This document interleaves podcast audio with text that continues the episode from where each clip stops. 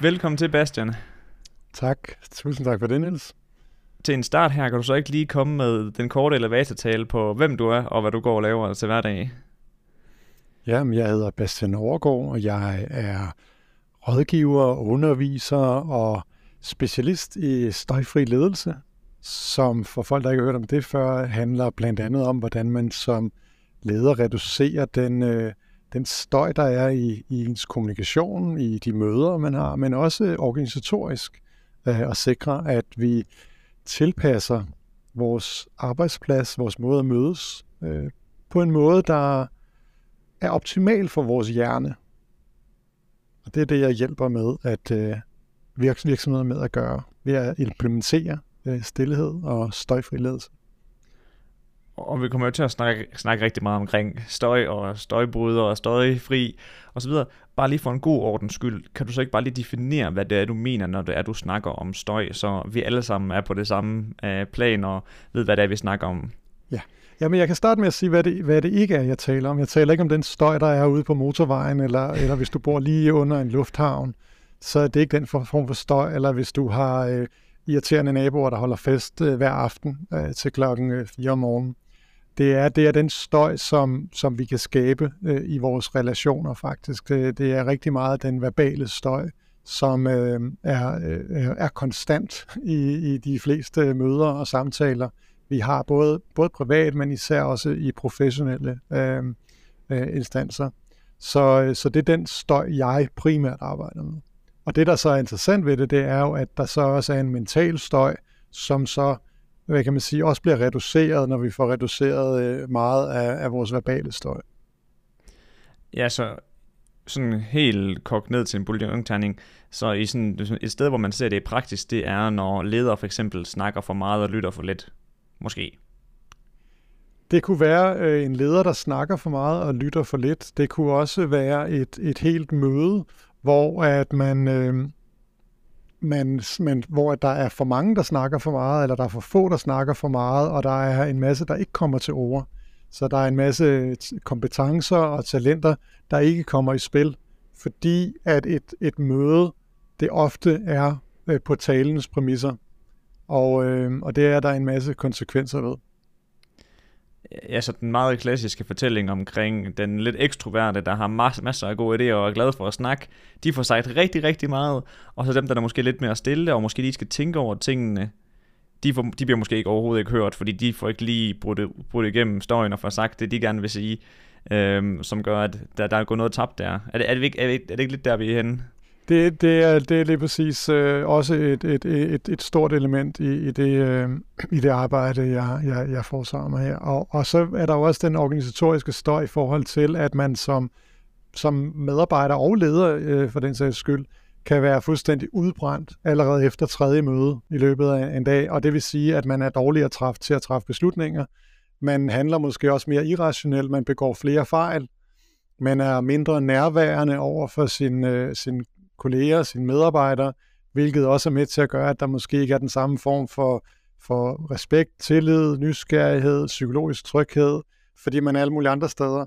Øhm, og så det, så det, det er jo faktisk rigtig mange ting, som det her det kommer til at handle om. Så det, det, er, ikke, det er ikke nemt bare at, at, at sætte øh, to streger under én ting og sige, det er det, det handler om. Og jeg tænker, at vi kan lige spole båndet lidt tilbage, inden da vi begynder at snakke mere omkring det her med støj, og hvordan det er, at du arbejder med at få implementeret det her, øh, hvad siger man, få fjernet den her støj et eller andet sted ude i virksomhederne. Jeg kunne godt tænke mig at høre sådan, hvor, altså hvornår og hvorfor din interesse for det her, hvad siger man, øh, fænomen, det er ligesom opstået. Ja.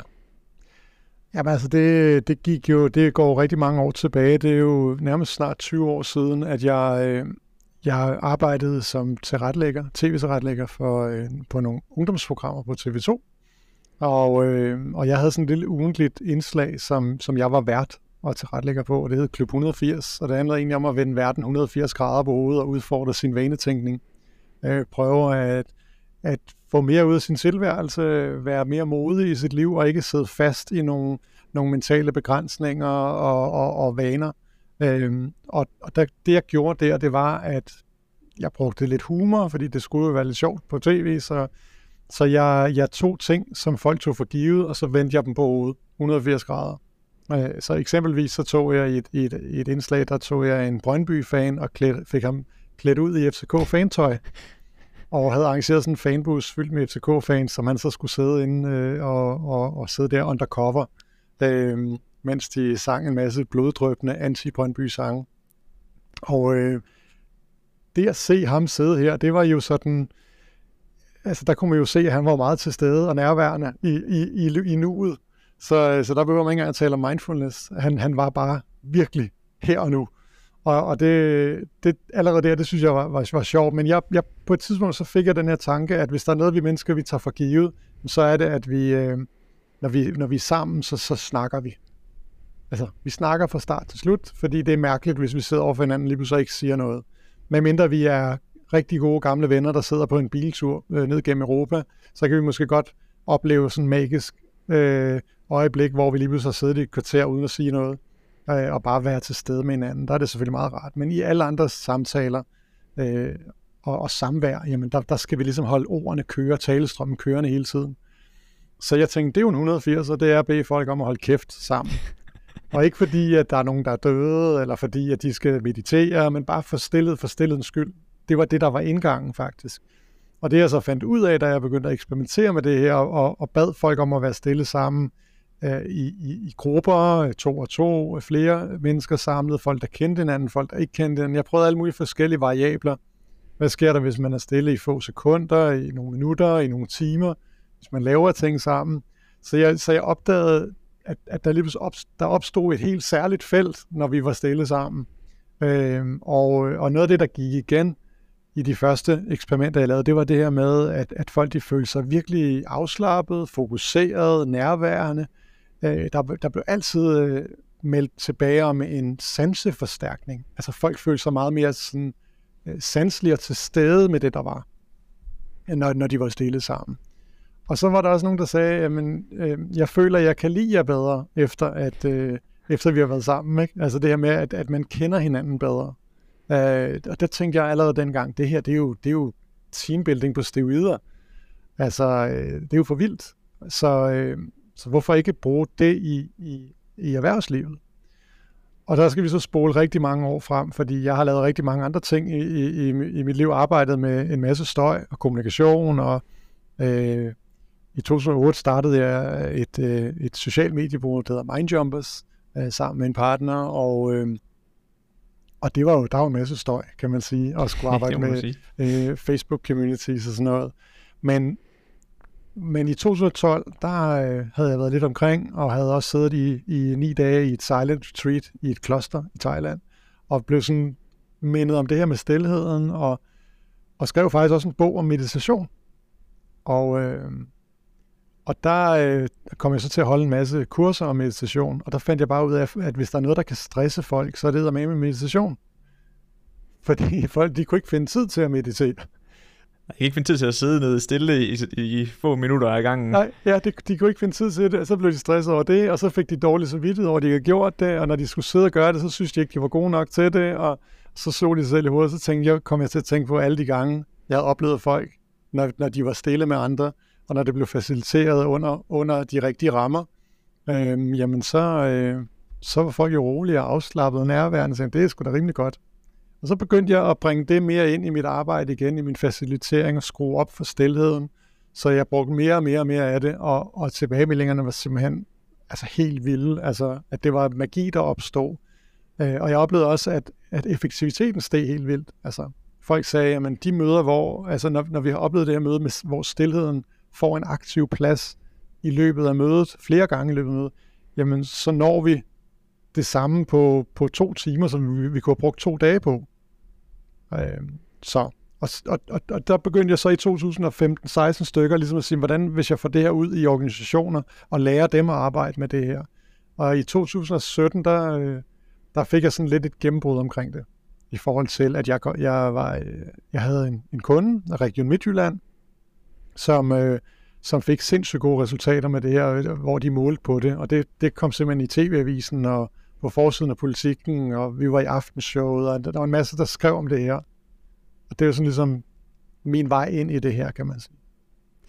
Altså det, jeg synes, der er virkelig interessant ved det her, du siger her, det er at nemlig, at du lige binder det lidt op på meditation i første omgang, men siger, at det kan folk ikke finde ud af. Og jeg har nemlig også oplevet på egen krop, at jeg havde også brug for et, et pusterum, hvor jeg bare kunne sidde stille og meditere. Igen, jeg kunne så ikke finde ud af at meditere af en eller anden mærkelig grund, for jeg kunne ikke finde ud af at sidde stille og bare kigge, eller sidde og trække vejret og være opmærksom på de ting. Øhm, så jeg begynder at dyrke noget, jeg selv kalder positiv ensomhed, hvor det er, at jeg går en tur et sted, hvor der ikke er noget larm, og ikke har noget i ørerne, og bare går med mine egne tanker og, og stille og kobler af. Og jeg har også oplevet nemlig, at det har haft kæmpe indflydelse på min koncentrationsevne, at jeg ikke hele tiden bliver stimuleret 24-7, 24 øh, timer i døgnet, det gør. Øhm, men jeg, jeg kunne godt tænke mig at høre, fordi det synes jeg er lidt interessant, fordi jeg er lidt en produktivitetsnørd. Hvordan har du op, hvordan oplevede dem her, hvor at de begyndte at implementere stillhed i deres møder, at deres produktivitet øh, blev forøget eller steg, eller du ved sådan det der, det der med de ting, de kunne nå på to timer, det tog normalt to dage. Kan du, kan du prøve at sætte på på det? Mm-hmm. Det kan jeg godt, og ligesom øh, mit svar før, så kan du godt høre, at jeg kan godt sætte rigtig mange ord på. så, øh, så jeg skal prøve at se, om jeg kan gøre det kort. Til at starte med, kan man sige, at vi har en hjerne. Den hjerne, der har, den har en, en, øh, en begrænset hvad kan man sige, bond, bondbredde. Øh, når den bliver fyldt op, jamen så træffer vi dårlige beslutninger, vi bliver vi, handler mere irrationelt, vi bliver også mere øh, egoistiske faktisk, er der, er der også, øh, øh, viser det sig også. Og, øh, og når vi har det her møde, hvor der hurtigt kommer rigtig mange ord, så er det min tese, at vi hurtigt får, når den her udbrændthed. Og så er det, vi, vi, vi lidt mister fokus. Som en amerikansk, den amerikanske filosof uh, Rollo May, hedder han, sjovt navn, men han sagde, at det er en ironisk vane, mennesket har, at det løber hurtigere, jo mere det er faret vild. Og, og, og det kan du faktisk godt overføre til, til ja. mødet også, at det er en ironisk vane, jo mere vi kommer ud af en tangent, jo flere ord bruger vi. Altså, det ene ord tager det andet. Så det her med at, at, at tænke stillhed ind, tænke, tænke, nu stopper vi op, og så hæver vi os op i et større øh, perspektiv, jamen det gør, at vi lige pludselig kan se, hvor vi var faktisk ud øh, på vej i en forkert retning. Så det er, det, er den, det er det ene af elementerne i, hvorfor at vi bliver mere effektive ved at huske stillheden undervejs. At det er en form for fartbump, når vi bare kører derud med 9, kører afsted med 9.000 år i timen. Ikke? Øhm, det andet, det er, der skal vi kigge på de interrelationelle dynamikker, der er. Øh, og det er jo, at i en ideel verden, der sidder vi i et, øh, i, på en arbejdsplads, og vi har nogle udfordringer, og så går vi ind i et mødelokale, og så sidder vi øh, otte mand rundt om et bord, og så går vi all in på at løse den her opgave. Og så det eneste, det handler om, det er at løse den opgave. For, for firmaets og fællesskabets bedste. Men virkeligheden er jo bare, at der også sidder rigtig mange, som har en masse personlige agendaer. Der er nogen, der gerne, vil, der gerne vil have lidt mere magt. Der er nogen, der gerne vil høres. Der er nogen, der gerne vil have noget anerkendelse. Der er, der, der er alle mulige ting, der gør, at rigtig mange af de ord, som vi bliver udsat for i løbet af en hverdag, det handler ikke bare om at løse opgaven og gøre vores arbejde. Det handler om alt muligt andet. Støj. Så, så det vil sige, at der er alle mulige personlige agendaer, der også kommer til at støje rigtig meget. Hvor at det at bringe stillheden ind igen, det er igen det der fartbump, der kan bremse den. Og det der også sker, det er, at når vi får stillheden, når vi lige får roen på, så bliver vi faktisk også automatisk lidt mere sådan, altså vi fjerner nogle af de der skyklapper, som kan gøre, at vi bliver meget, hvad kan man sige, selviske og, og, og selvorienterede til, at vi, vi orienterer os på fællesskabet. Og det vil du kunne opleve, hvis du sidder i et møde, eller hvis du står på en stadion med 10.000 mennesker, og I holder et minuts stillhed til ære for nogle afdøde. Du kan se, at du åbner mere op, der er, at du får en fællesskabsfølelse. Der opstår en, en samhørighed øh, på en anden måde, og det kan være svært at sætte ord på. Men det er nogle af de ting, som, som vi arbejder med os, når vi arbejder med stillhed ind i, i møder. Så det var to af de, de ting, der ligesom er. Så kan man også sige, at, at effektiviteten kommer også, at når vi så stopper op, får tid til at tænke os om, jamen hjernen har jo, tid, har jo brug for at kunne processe alle de informationer, den har fået. Men når vi, når vi skal sidde og træffe beslutninger i et møde, hvor vi har talt konstant, så har hjernen hele tiden skulle multitaske. Så det vil sige, det er at fjerne den her multitasking, at vi giver plads til også at kunne sidde og tænke, jamen så kan vi også træffe nogle, nogle meget, meget bedre og hurtigere beslutninger, som så gør, at vi ikke skal aftale et nyt møde i kalenderen, og dermed udskyde beslutningen med to uger.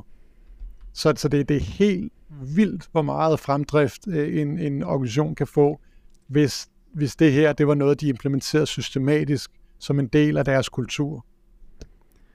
Altså, wow, og kan jeg ikke meget genkende til det her. Jeg, og jeg tror også mange, der lytter derude, de har oplevet at sidde i et møde, hvor der bare, altså du ved sådan, den der med, nu skal vi have løst det her problem her, snak, snak, snak, snak, snak, snak, snak, du ved sådan, og den kører bare non-stop i to timer, hvor der bare bliver snakket frem og tilbage, og man får bare ikke øh, muligheden for at lige sætte sig ned og tænke over, hvad man egentlig selv tænker, baseret på det, der er blevet sagt. Altså, også nogle gange bare med, med, med mig og min uh, businesspartner, Mads, der, ikke også? Så er der også nogle gange, når vi sidder i, i en, og snakker sammen, han er sådan en, han kan rigtig, rigtig godt lide at snakke rigtig meget. Og jeg har nævnt det for ham flere gange, hvor, hvor at når vi så sidder der, og så siger han sådan, hvad, tror, hvad tænker du, hvorfor det, og bare, bare, bare, hvor jeg er sådan, Mads, du har, du har plantet en masse idéer i hovedet på mig, det er fint, lad mig nu lige sætte mig ned med, min, med et stykke papir, og lige reflektere over det i stillhed, og lige vende og dreje tingene. Altså, jeg kommer frem til så meget bedre, altså så, så langt bedre konklusioner, langt hurtigere, hvis jeg lige får lov til at sidde og reflektere over tingene i helt stillhed, end hvis der er en, der bliver ved med at spørge mig, hvad finder du frem til? Hvad tænker du? Bla bla bla. Altså, så jeg kan virkelig godt Øhm, og der er vi jo kun to mand, så jeg kunne slet ikke forestille mig, hvordan det var, hvis man nu sad til et møde, hvor man var 10-15 mand, ikke? Ja. Præcis, præcis. Ja, men, øh, men det, der er mange, der ikke har genkendt til det derude, og, og nu er der jo også i forbindelse med, at, at psykologisk tryghed for eksempel også er, er blevet det helt store, hotte emne, jamen der, der, bliver man, der trækker, er der også mange, der trækker eksemplet frem fra Google, for den her store undersøgelse, der hedder Projekt Aristoteles, hvor at man fandt ud af, at de, de teams, der performede bedst hos Google, jamen det var for det første der, hvor der var en høj grad af psykologisk tryghed, men noget, der gik også igen, det var, at der var en ligeligt fordel, fordelt taltid. Der var en ligeværdig fordeling af taletiden hos de bedst performende teams hos Google. Og de steder, hvor der var en eller få, der tog det meste af taletiden, jamen der faldt den kollektive intelligens. Og, og det, det er i virkeligheden ikke rocket science, at hvis vi vil have, have mere ud af den af de kompetencer, der er i rummet, jamen så, så, er der, så, så er der flere, der skal høres. Men man skal også huske, at der, altså folk de fungerer på forskellige måder. Og, øhm, og så kan det hurtigt komme til at lyde som om, Nå, men det, så de ekstroverte, de tænker rigtig nok hurtigt, og de, og de introverte tænker rigtig nok langsomt, men det er, jo ikke, det er jo ikke sådan, det er.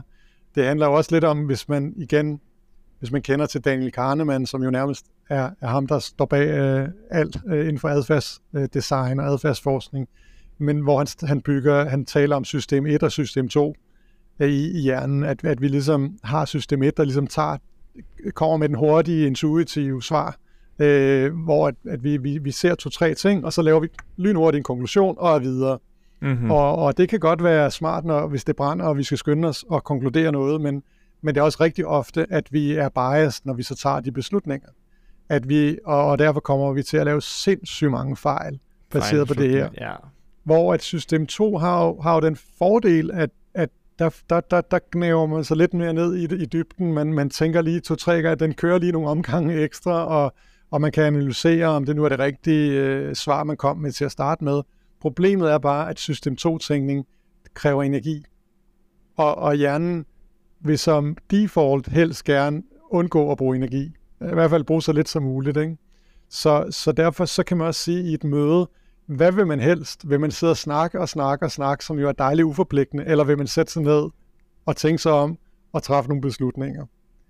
Øh, så, så, så, det, så det er jo det er derfor, man, hvad kan man sige, at, at, at det er så udbredt, det her, den her snakkekultur rigtig mange steder. Det, det, er min, det, det er måske lidt frægt at påstå det, men det er sgu også, fordi det er uforpligtende. Og jeg vil sige, at jeg får det bekræftet igen og igen og igen. Nu har jeg jo arbejdet i alle de, de altså nej, ikke alle, men mange store virksomheder og organisationer, som vi kender, hvor at, at det går bare igen alle steder, og ledere, der indrømmer, altså selv dygtige, sympatiske ledere, der indrømmer, at hvis de går ind til et møde, hvor de ikke er forberedt, jamen så er det der, de snakker allermest.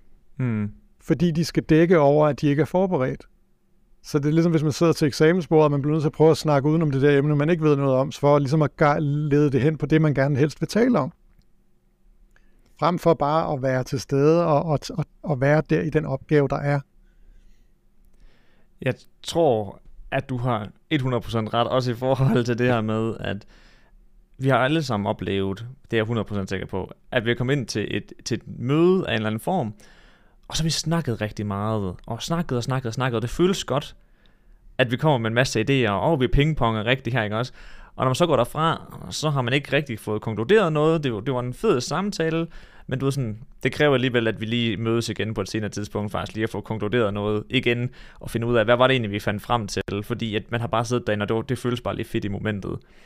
Så jeg, jeg tror virkelig, du er ret der, det er fordi, at når det kommer til at så sætte sig ned og rent faktisk tænke over tingene, det kræver meget mere af, af, af sådan rent kognitivt. Og det er jo ikke sjovt. så det, det er sjovt at bare møde, møde op og bare snakke. Ja, jeg har sådan en metafor, øh, på et tidspunkt øh, fandt jeg på at sammenligne de her møder, hvor man bare fylder mødet med, med 9.000 ord i timen. Jamen, prøv at tænke på, hvis man fyrer et, øh, altså et fadølsglas. Hvis du så bare åbner hanen og bare fyrer øllet ned i fadølsglasset, hvad sker der så? Så, så bliver det fu- fuldstændig fyldt med skum. Og hvis man så venter lige lidt, så falder skummet, og så efterlader det en lille smule øl. Så kan man så fylde det på igen, og så lade det falde, og fylde på igen, og lade det falde. Og det er jo det er faktisk en, en, hvad kan man sige, en metafor for, hvordan man også kan tænke stillet ind i vores møder, hvor at desværre så er der rigtig mange super professionelle øh, ledere og medarbejdere i store professionelle virksomheder, som går fra det ene møde efter det andet, fyldt med skum. Og ja. der går ikke mange minutter, før de er kommet ind i det næste møde, hvor skummet er forsvundet, og hvad er der så egentlig tilbage? Hvor meget kan vi egentlig huske fra det møde? Øh, fordi vi har aldrig nogensinde givet hjernen plads til at, at lade tingene bundfælde sig. Og det giver, altså hvis man dykker lidt ned i hjerneforskning og sprogforskning og adfærdsforskning, så giver det ikke nogen mening, at vi, at vi, øh, at vi holder vores møder på den måde. Eller det vil sige, det giver faktisk mening, fordi vi netop er dogne, og vi gider ikke forandringen. Så det der med at, at, at skulle sætte sig ind i, hvad, hvad det der støjfri ledelse og stillhed som mødeværktøj, hvordan er det egentlig, det fungerer, og, og, og det er lidt mærkeligt i starten, og ja, skal vi ikke bare fortsætte med at snakke? Ikke? Altså, ja, lige præcis.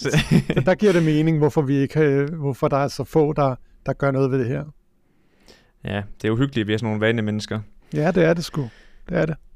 Jeg sad og tænkte lidt på, at en af årsagerne til, at flere virksomheder ikke gør det her også, en ting det er selvfølgelig, at du kommer med en god pointe her i forhold til, at vi er vane mennesker, og at vi har nogle, en agenda, bagvedliggende de fleste i forhold til at snakke, at så positionerer man sig selv som en, der ved en masse omkring det her emne her, og man fortæller, og chefen bemærker, okay, han er godt nok aktiv, når vi er til de her møder, potentielt i hvert fald.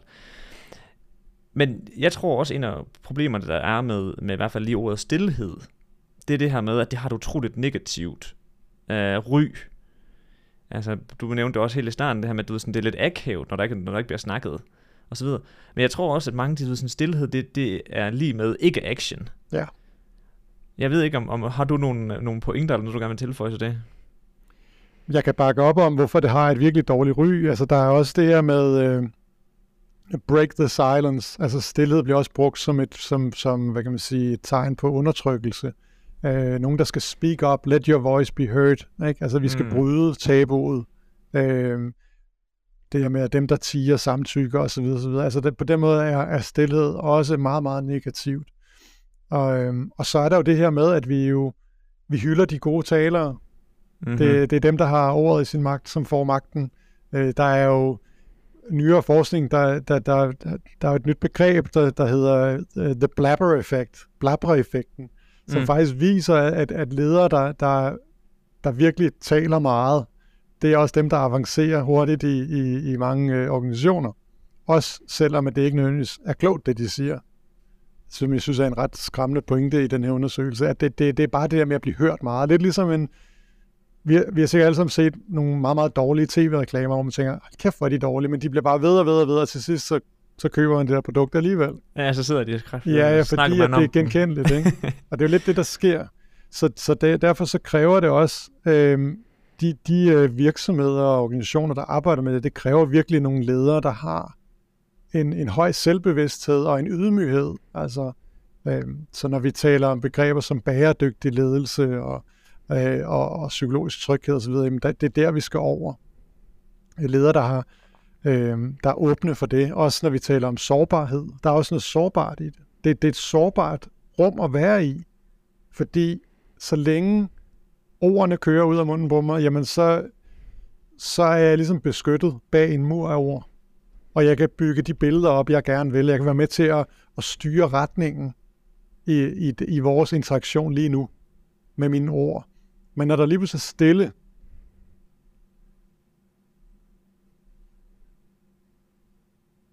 Ja, det er så helt bevidst, jeg var stille der, så synes jeg, om lytterne var, var nødt at forsvinde. men men det, så er det jo utrygt. Det, der, der, er, der er et kontroltab i det, fordi man på en eller anden måde, der er en nøgenhed mellem os, når der ikke er ordene imellem os.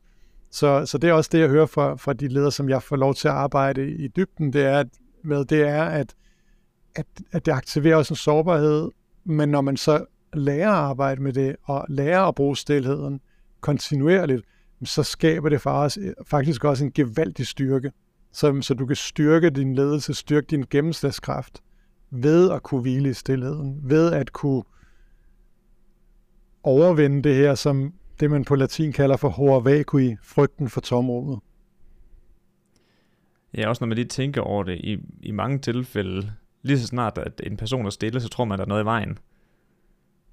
Ja, fuldstændig, og det, og det er jo og det er igen, fordi vi følger nogle normer, ja. hvor det er sådan. Vi har Præcis. normer, der siger, at en, en samtale skal, og det, det viser sprogforskning, øh, den største empiriske undersøgelse på, på, på det område, viser, at vi i den europæiske verden, øh, den vestlige verden, der, der tolererer vi i gennemsnit et sekunds stillhed i vores, i vores dialogskifte. Altså maks et sekund. Det var ikke muligt. Nej. Så er der, så er der øh, amerikansk sprogforskning, der viser, at når stillheden kommer op på 1,3 sekunder, så begynder stillheden at blive åben for fortolkning. Så er det, jeg begynder, hvis du lige pludselig stille. Altså, jeg kan, jeg kan sådan nærmest ubevidst kan jeg mærke, hvis, hvis den der pause, den bare lige er stedet fra det der 1 sekund til 1,3. Hvorfor er han stille nu? Har jeg sagt mm. noget forkert? Er han sur på mig? Ved han ikke, hvad han skal sige? Er han lidt langsom i optrækket? Altså, der, så kommer alle de her øh, bedømmelser af den her stillhed frem for talen, så kører det bare. Så er vi sådan lidt mere ubevidste. Men det er jo fordi, at, vi, at, at man ikke har formået at sætte rammerne for, at stillheden godt må være en del af vores samtale. Og at der ikke er nogen, der, der, der kan facilitere stillheden. Fordi når den bliver faciliteret, når rammerne er sat på forhånd, og når det er nogen, der ligesom der, der tager ejerskab på stillheden, så, og kan forklare den på en måde, så det ikke er mærkeligt, så det, så det ikke er kikset, men så det faktisk er super sejt at bruge, jamen så, så er det jo nærmest mærkeligt ikke at have stillet. Jeg vil lige give dig et klap på skulderen. Jeg synes faktisk, du gør det rigtig godt af at gøre stillhed sejt. Jeg begynder sådan helt... Det er godt nok spændende, det her med stillhed.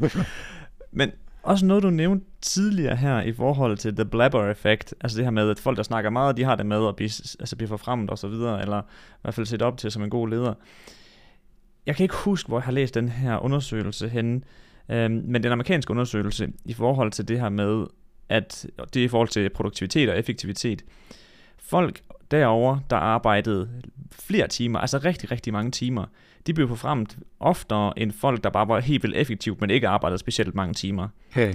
Og det er lidt sjovt det her med, at oftest så er det også bare fordi, vi har nogle normer, nogle normer etableret i vores samfund, der gør, at vi ikke måler på, på nogle parametre, som giver mening at måle på. Det er ofte så, vi bare, vi holder os bare til det, vi kender og så kører vi med det. Ja. Det, det. Det fungerer jo meget fint. Altså, og jeg tror, det er det samme i forhold til stillhed og, og det her med at, at snakke rigtig meget til møder, fordi det er jo ikke normen, at når vi er til et møde, at det giver mening, at der er over to sekunder stillhed. Nej, det er lige præcis ikke normen, hvis ikke man har sat sig, sat sig ind i det, og, og man har lavet en aktiv indsats i, i den her virksomhed eller organisation for at gøre det til en norm, for at bruge stillheden systematisk. Altså jeg, jeg plejer at sammenligne også med, øh, med, med ude i trafikken, der, har vi, der bliver vi mødt af lyskryds. Og, øh, og det her med at blive stoppet af et rødt lys, det kan godt være irriterende, men, men de fleste af os accepterer, at det er en del af, af vores samfund, og vi skal have, have trafikken til at fungere. Men, men i, når vi holder møder, jamen der er der ikke det trafiksystem. Der er der ikke et, nu taler vi, nu er vi stille, nu taler vi, nu er vi stille, på den måde. Så, øh, og det gør jo så også, at netop når vi, når vi er mødeledere, som man jo både kan være, hvis man er leder, eller hvis man er medarbejder, og man har ansvaret for et møde, så selvom man ligesom er mødeleder, jamen så kan det være rigtig svært at stoppe en kollega, der har snakket i fem minutter, mere end personen måske egentlig havde behov for. Altså det, det er jo, og nu er vi igen tilbage til det her med, hvad er det egentlig, det handler om? Handler det om at levere et budskab, eller er det, at du rigtig gerne vil høres lige nu og have taletid lige nu? Og jeg er sikker på, at, at, at de fleste af dem, der lytter med her, har prøvet at sidde i et møde, hvor at der er en, der ligesom skulle komme med et input, og man har allerede forstået det efter de første 30 sekunder, og så bliver personen ved og ved og ved og ved, med at tale. Og, og, ja. altså, og man har forstået det, og man kunne, man kunne gå videre til den næste, og den næste, og den næste, og inden for den tid, personen har brugt, der kunne man have hørt fem andre kolleger. Så vil man efter de fem minutter have haft en, en meget større kollektiv vidensbase i det rum, fordi du havde ville haft fem forskellige øh, indfaldsvinkler til det her. Plus du rent motivationsmæssigt ville have givet fem mennesker følelsen af også at være med i det møde. Mm-hmm. Men, men de færreste tør at sige til en kollega, så kammerat, nu har vi vist, nu lukker vi lige for, for taleboksen hos dig. Det kan man jo ikke lide, fordi vi, vi er jo konfliktsky. Nej. Rigtig mange det mennesker er i hvert fald. Og vi har de her sociale normer, som også gør, at man heller ikke må afbryde folk, der er i gang med at tale. Og det, det bringer mig så tilbage til, hvorfor at jeg anbefaler, øh, at man som organisation går, går helt strategisk til værks med det her, og gør det til en integreret del, hvor man faktisk gør et nummer ud af at forklare, både via, via møder, via øh, intern øh, kommunikation, videoer. Øh, jeg har øh, virksomheder, hvor vi laver altså plakatkampagner, hvor man simpelthen hænger plakater op i mødelokalet med, med, med nogle af de øh, med nogle af de statements, som vi laver sammen omkring det her, øh, for at minde folk om det, sådan så det bliver et lyskryds, det bliver et officielt lyskryds.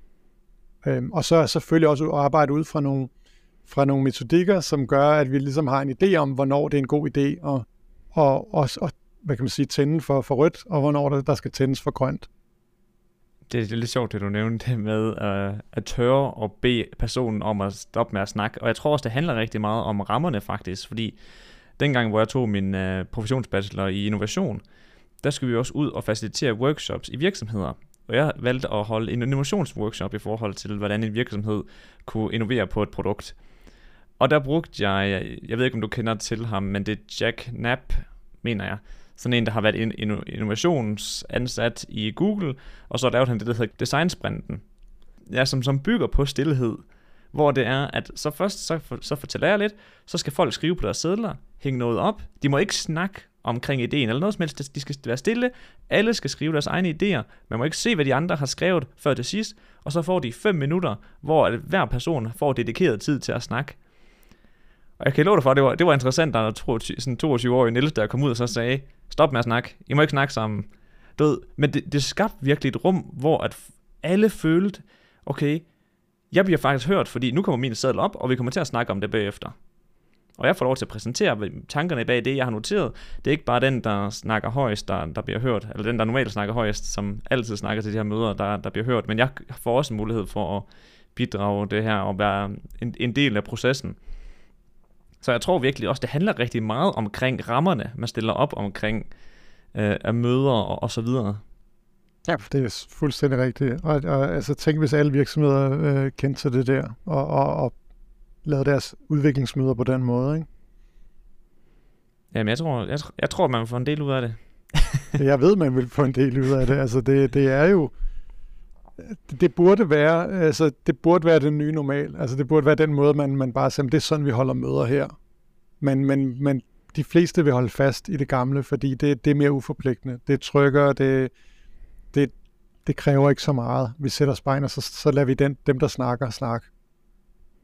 Ja, det er dejligt nemt bare lige at gemme sig bag dem, der snakker meget. Ja, det er det. Men man kan sige, altså det igen, hvis vi skal bruge det her med, øh, med trafiklyset som, som et eksempel, så kan man jo sige igen, hvorfor det er en kæmpe fordel at have gjort sit forarbejde som, som virksomhed, som organisation, eller som team. Altså det kan også bare være, at man er teamleder, og man siger, jamen det her, det, så er det et nyt trafiksystem for vores møder, som vi implementerer her i vores team. Altså hvis man nu ikke, hvis man nu er en stor organisation, hvor man ikke kan få topledelsen med på det, så kan man jo også lave sit eget, øh, sit eget trafiksystem der. Ikke? Men der kan man jo så sige, hvis det først er etableret, øh, jamen, så kan man spørge sig selv, hvor mange kender du, som er blevet følt sig personligt trådt over tagerne, over at blive stoppet af et rødt lys ude i trafikken. Altså, det er jo de færreste, der bliver fornærmet. Det færreste. Altså, Ja. og siger, ja, men det er også fordi, at øh, de, de ikke kan lide mig. at at øh, de, har sat, de har lavet rødt lys af kommunen nu, ikke? Øh, altså, det, det, er jo, det er jo lige præcis en fordel, det er, at, at det, det, det kan vi tage helt ud af ligningen. De der ting, som kan skabe personlige konflikter og usikkerhed og sårbarhed og alt muligt. Vi ved, det er et system, der følges. Nå, vi skal være stille nu, og vi skal være stille alle sammen. Det er ikke bare mig, der er blevet bedt om at være stille.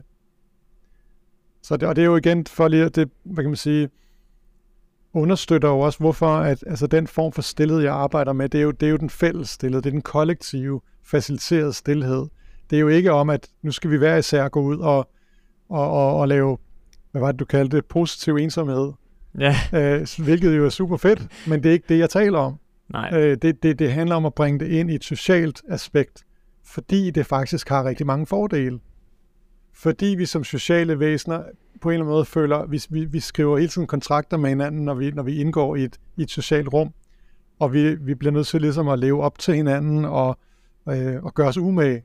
Og det vil sige, at hvis, hvis vi har formået at gøre stillheden til, til en ny norm, jamen så skal vi jo rent socialt også, øh, hvad kan man sige, øh, overholde det over for hinanden. Og så bliver det nemmere at holde det, holde det ved lige.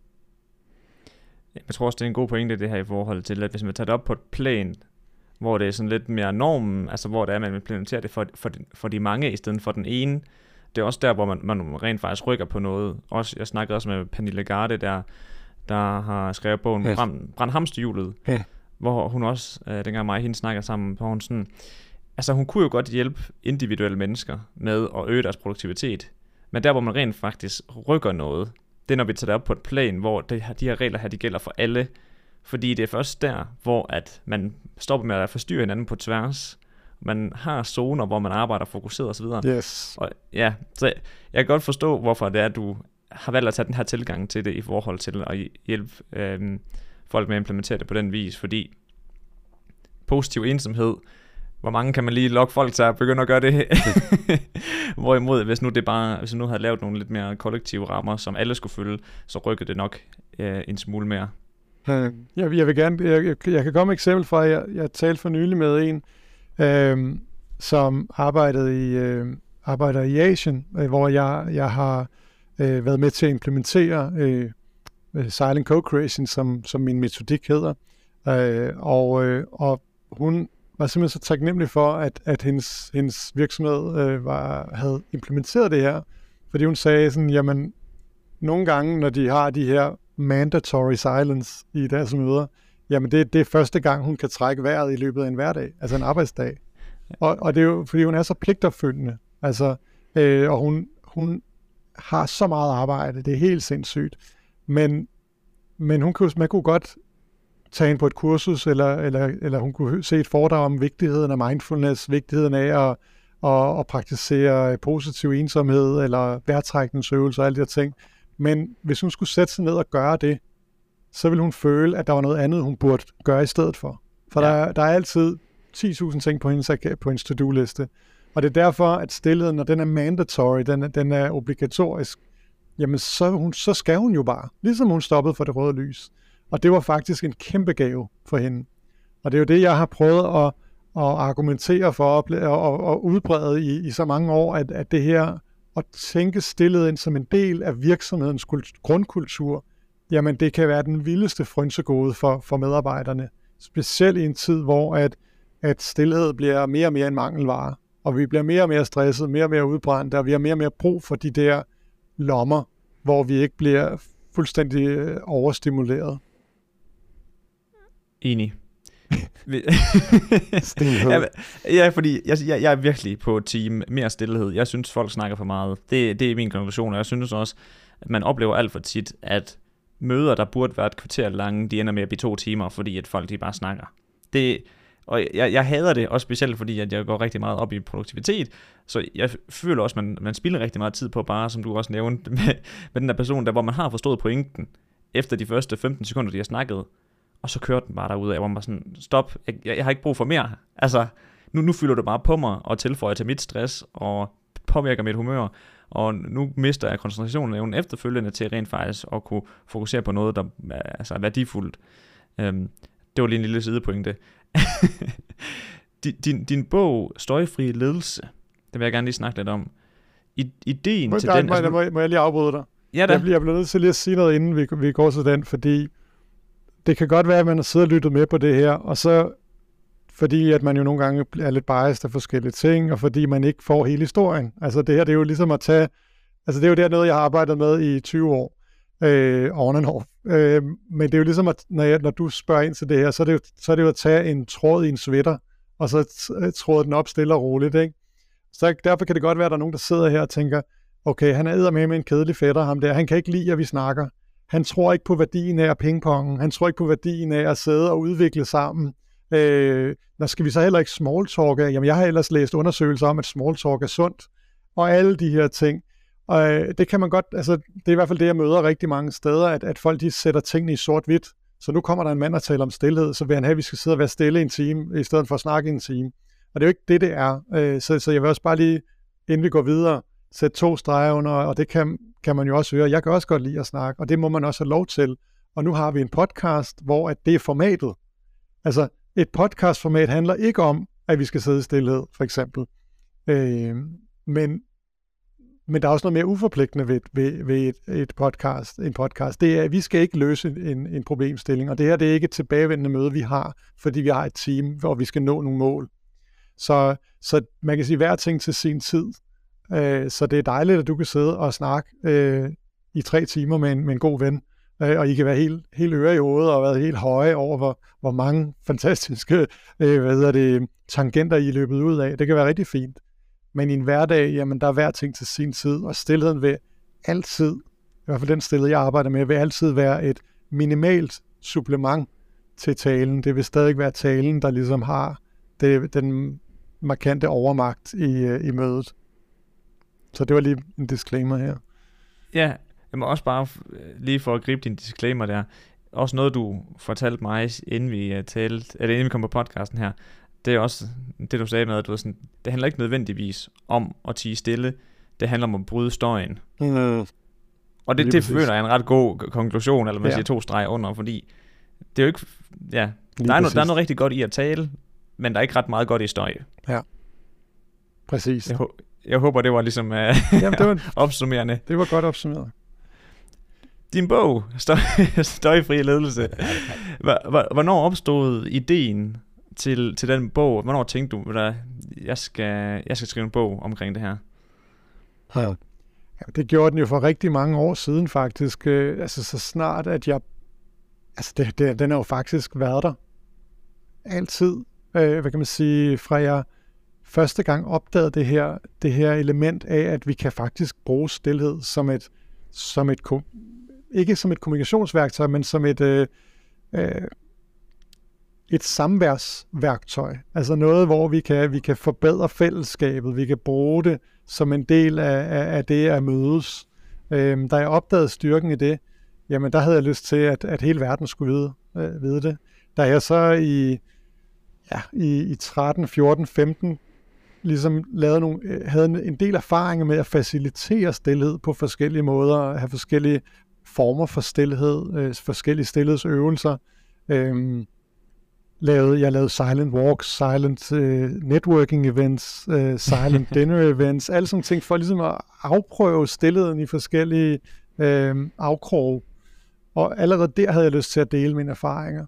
Men da jeg så ligesom i 2016 øh, tog beslutningen om, at nu vil jeg prøve at skifte om til, at i stedet for at det er bare mig, der går ud og faciliterer det, så vil jeg gerne gå ud og og rådgive virksomheder og organisationer og undervise dem i, hvordan de kan, kan lære det her værktøj, hvordan de kan implementere det her som en, som en kultur. Og der, der fik jeg ret hurtigt nogle, nogle ret gode erfaringer, hvor jeg tænkte, jamen, det skal, det skal der skrives bog, en bog om. Så, så, jeg, har, så jeg har været aktivt i gang med at skrive den bog siden 16-17. Øhm, men det er gået meget langsomt, fordi der har hele tiden været noget andet, og, øh, og jeg har ikke haft øh, det fornødne fokus til at få det gjort. Så det var først i, i 19 og 20, at jeg virkelig fik sat mig ned og fik den gjort færdig til 21, hvor den udkom på Akademisk Forlag. Ja, man, man hører tit, jeg har i hvert fald hørt et par gange nu, af dem, jeg har interviewet på podcasten, det der med, at, at ideen, den opstår for, for lang tid tilbage, men det det der med lige at få sat sig ned og rent faktisk få, få den skrevet. Det, det er lidt sværere i hvert fald, end at få ideen. Ja.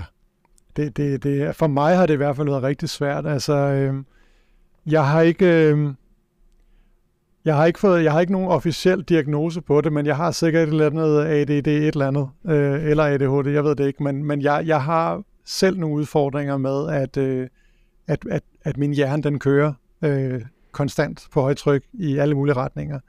Det er også derfor, jeg tror, at min karriere har jo været bygget op om, at, at jeg har fået nye idéer, originale idéer, skabt noget, været kreativ. Altså på den måde har levet af min, af min, af min hjernes evne til at ryge ud i alle mulige, tangent, ud af alle mulige tangenter. Øh, men, men det har jo også været derfor, det har været udfordrende for mig, og, og øh, for eksempel at meditere. Hvilket så igen minder mig om en anden disclaimer, jeg må sige til, til dem, der lytter med, det er jo igen, at det kan lyde som om, jeg taler dårligt om meditation og mindfulness. Det gør jeg overhovedet ikke. Jeg, jeg understreger bare, hvor svært rigtig mange har ved det, også selvom at de måske har læst en bog om, om meditation, øh, eller været på et kursus. Altså, så det er bare øh, totalt udfordrende for ja. andre mennesker end mig og dig. ja, fordi jeg skal lige sige, frygt dig, vi har haft den snak mange gange på podcast med mange andre, hvor jeg, hvor jeg også har fortalt, hvor svært jeg har det ved den meditation der. Mm. Og det er der, hvor at jeg har fundet vejrtrækningsøvelser som værende et godt supplement, fordi der føler jeg, at jeg laver noget. Hmm. Der kan jeg godt koncentrere mig om, at nu, nu, nu er der en tidsramme på, og jeg skal huske at trække vejret i de her tidsrum osv. Hmm. Øhm, og, og det virker meditativt for mig. Øhm, men altså hatten af til dem, der virkelig kan det der meditation sådan helt ind til, hvor der du bare sidder og, og fokuserer på dine vejrtrækninger, og ikke andet. Det er det eneste, du har i dit hoved. Det, det, det må jeg sige. Ja. Det er jo så rigtig fedt, øh, at du, du har taget værtrækning ind. Der, der, der kan man jo også lære rigtig meget. Øhm, og, øh, og der er jo også nogle rigtig dygtige øh, øh værtrækningseksperter derude, som, som kan, kan lære folk noget om det. Ja, det må man sige. Det her, det her lyder måske som et, et mærkeligt spørgsmål lige første omgang. Men hvad, hvad har du fået af kritik på bogen? Har du, har du oplevet, at du har fået kritik baseret på, at du har skrevet bogen og udgivet den? Eller nogen, der måske har stillet spørgsmålstegn ved noget af det, du har skrevet? Det, det er ret interessant, at jeg kan kun komme i tanke om én ting. Jeg var, jeg var inde og se uh, inde på, på saxo.com, der, uh, der, har de, der er der sådan nogle læseranmeldelser. Ja. Og der var der, altså den, jeg tror, det, den har, jeg tror, den har 4, 4,5 ud af 5 eller et eller andet. Øhm, og, og, og rigtig, rigtig mange positive, men, men der var også en, der skrev, at der var ikke noget nyt i den bog. Øh, det, og den, den gentog bare det samme igen og igen. Og øh, det, det er faktisk det eneste, jeg kan huske, og det er helt 100% ærligt. Jeg kan ikke komme i tanke om nogen, der har sagt noget negativt. Altså, jeg har virkelig fået meget ros for den bog, om at den var meget letlæst, øh, øh, underholdende, at den, den undgik af øh, rigtig meget typisk øh, ledelseskliché, ledelses, ledelses uh, bullshit, uh, buzzwords og den slags. Altså, og det tror jeg kommer automatisk af, at jeg, at jeg ikke, jeg kender ikke så mange af de der uh, ledelsesteorier og buzzwords osv. Jeg, jeg har jo, hvilket jo er super morsomt, jeg, jeg har jo ikke nogen akademisk uddannelse bag mig. Jeg har slet ikke nogen uddannelse. Jeg er jo øh, autodidakt, øh, og, øh, og har jo altid arbejdet praktisk, og fordi jeg har været selvstændig i 22 år, så har jeg altid kunne kaste mig ud i ting og, og været tvunget til at lære ting, øhm, men uden en, en, øh, en, en traditionel uddannelse bag mig. Og det tror jeg gør, at jeg, jeg, jeg kan ikke skrive på den der måde, hvor at man, man kommer med 24 indskudte sætninger øh, og, og, res, og skal referere til, til 28 øh, ledelsesteoretikere, før man må sige et eller andet. Så, så, jeg, så jeg tror, at, at det har været det, at det har været skrevet i sådan et, et sprog, folk de kunne, kunne være med på. Øhm, Nej, jeg kan, ikke, jeg kan sgu ikke komme på noget. Jeg, jeg, vil, jeg vil virkelig gerne kunne øh, komme på mere end bare den der meget, meget sure en stjerne, jeg fik i, hos Saxo. Nej, fordi det er selvfølgelig ikke interessant, hvis man ikke har fået sådan noget lidt mere grundigt feedback på den, fordi hvis det er bare sådan, der er ikke noget nyt i den, men det, sådan, det kunne også være rart at vide, hvad er det, der ikke er nyt? Uh, så det var, at man kunne reflektere lidt over det, ikke også? Ja. Altså, men jeg kunne da godt, jeg kunne da godt selv uh, prøve at komme med noget, noget kritik, man kunne sidde øh, fra forskellige vinkler. Det kunne for eksempel være, hvis man, hvis man nu var helt vildt inde i meditation og mindfulness, så kunne man måske blive provokeret af, at jeg ikke taler om det i bogen. At jeg ligesom bare vælger at tale om det, som jeg ved noget om. Øh, det kan man godt blive provokeret af. Man kan også blive provokeret af, at jeg netop ikke refererer til flere, øh, hvad kan man sige, øh, ledelsesteorier, men det er fordi, jeg ikke kender dem. Øh, så kan, tror jeg også, der er nogen, der vil sige, at, at, at det bare at det måske lød for simpelt, det er for banalt. Der er sikkert også nogen, der måske er provokeret over, at jeg, at jeg bruger nogle ord, folk kan synes er lidt useriøse. Jeg, altså, jeg taler om ordnani og øh, at være mødelagt og om, øh, om at være snakmat. Og jeg, et sted skriver jeg også omkring neandertalere, hvor jeg laver sådan lidt en, øh, en teori om, at, at man kan, at, at der stadig findes neandertalere, og det er folk, der taler så meget, at de, at de sænker den kollektive intelligens i et rum.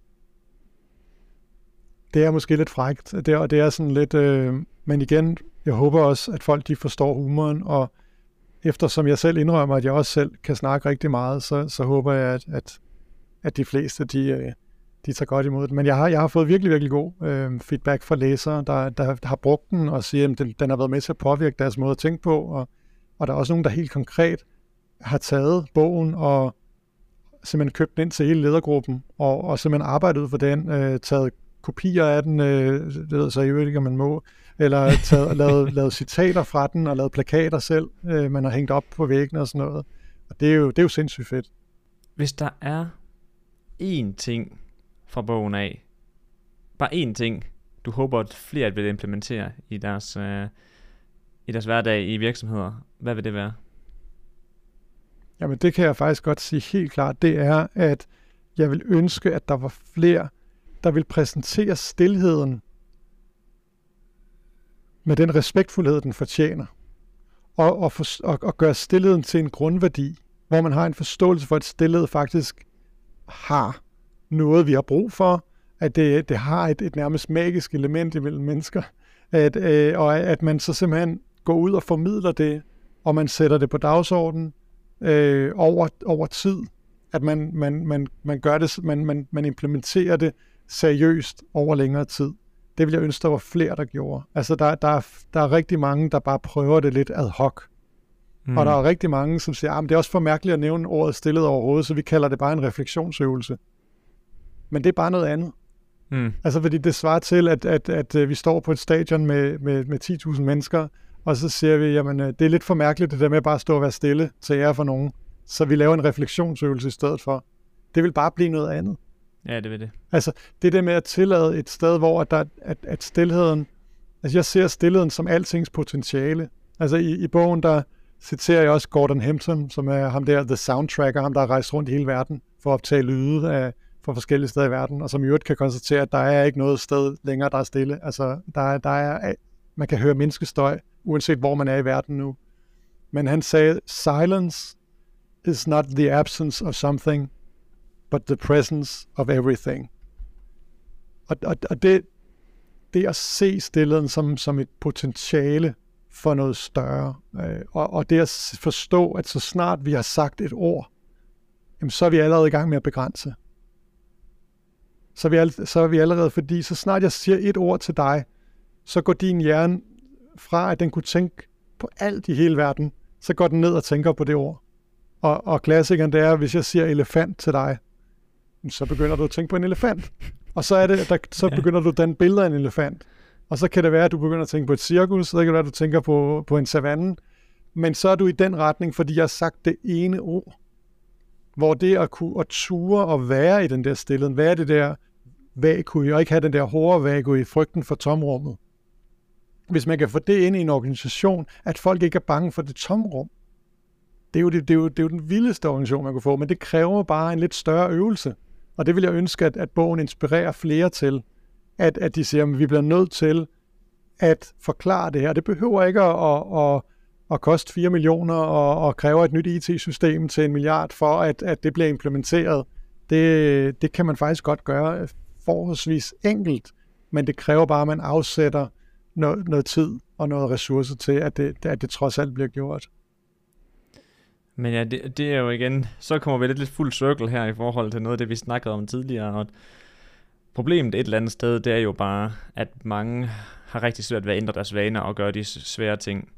Og jeg kunne nemlig godt forestille mig, altså fordi, som du selv siger, det, det, det, det er jo simpelt et eller andet sted, men at få det implementeret er svært.